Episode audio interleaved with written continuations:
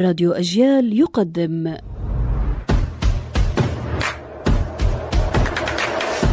أصل الكلام عارف حجاوي البردعة سريانية وعربيها الحلس والفصحى تجعلها برذعة بالذال ولكنها تظل كلمة دخيلة.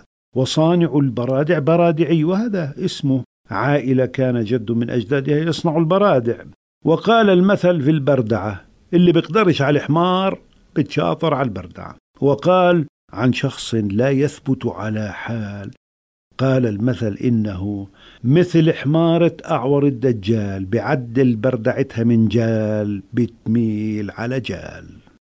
وتقول الحماة البغيضة عن زوجة ابنها التي ولدت وصارت ترضع طفلها. تقول وهي شبعانة المرضعة بتاكل قد أربعة. وإن جاعت بتاكل الحمار والبردعة. في الحموات من هن هكذا وفيهن من هن ليس هكذا.